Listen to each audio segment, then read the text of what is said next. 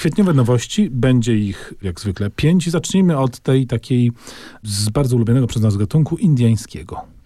Tak, to bardzo króciutka książka. Czyta się ją w wieczór, tak naprawdę. Ale ma ale długi tytuł. Długi tytuł. Powrócę jako piorun. Krótka historia dzikiego zachodu. Na okładce Indianin. To nie kto inny, tylko Russell Means. Jeden z najwybitniejszych i najsłynniejszych aktywistów indiańskich XX wieku. Tytuł jest długi i troszeczkę mylący, bo książka krótka, natomiast nie jest to historia Dzikiego Zachodu, jest to tak naprawdę historia Lakocji, czyli terenów zajmowanych przede wszystkim przez dzisiejsze Dakoty południową i północną. Historia tego, jak rząd amerykański z Indianami się był namawiał na pewne rzeczy, później te obietnice były niespełniane i traktaty łamane, ale też historia właśnie aktywistów, ludzi, którzy próbowali tchnąć odrobinę nadziei w to życie na e, rezerwacie. Poza Russellem Minsem tu też pojawia się nasz rodak Korczak-Ziółkowski, który budował przez lata, obecnie kontynuuje jego dzieło, jego rodzina, wielki, e, gigantyczny pomnik Crazy Horse'a, który ma być największym pomnikiem na świecie. E, Jeszcze długo, długo prace przy tym będą trwały.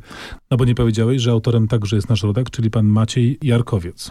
Tak, i pan Maciej Jarkowiec pojechał i zobaczył, co się dzieje w Lakocji dziś, bo tu jest też relacja z tego, co mm, a propos e, ropociągu tam się działo zupełnie nie tak dawno i opisane jest to kolejna, niestety przykra karta w historii Indian Północnej Ameryki. Powinny się Stany Zjednoczone uczynić od Kanady i w końcu przestać źle się zachowywać.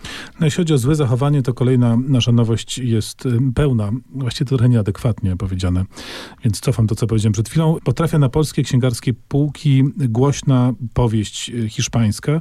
Właściwie to trzeba uczciwie powiedzieć, że największe wydarzenie zeszłego sezonu literackiego w Hiszpanii, mianowicie Patria Fernando Aramburu. To jest gruba rzecz. Rzeczywiście sprzedały się tego jakieś ogromne nakłady. Krytyka rozpływała się w zachwytach, bo to jest książka, która poprzez historię dwóch rodzin, najpierw zaprzyjaźnionych, a potem zwaśnionych, opowiada o tym, co się wydarzyło w kraju Basków, o konflikcie na tle walki Basków o niepodległość, właściwie nie tyle Basków, ile organizacji znanej jako ETA.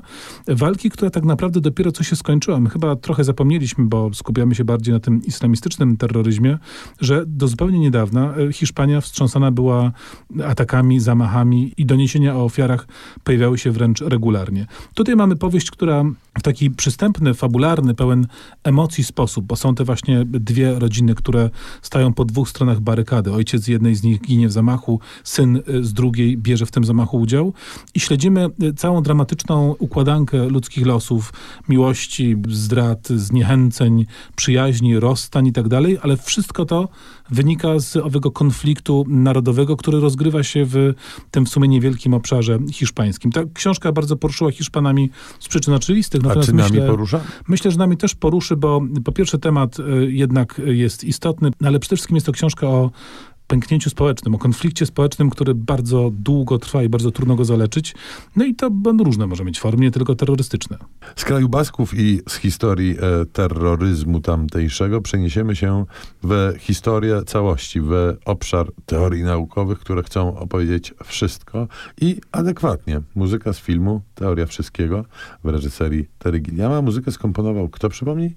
Zespół Radiohead, a śpiewa Karen Souza. A to Zouza.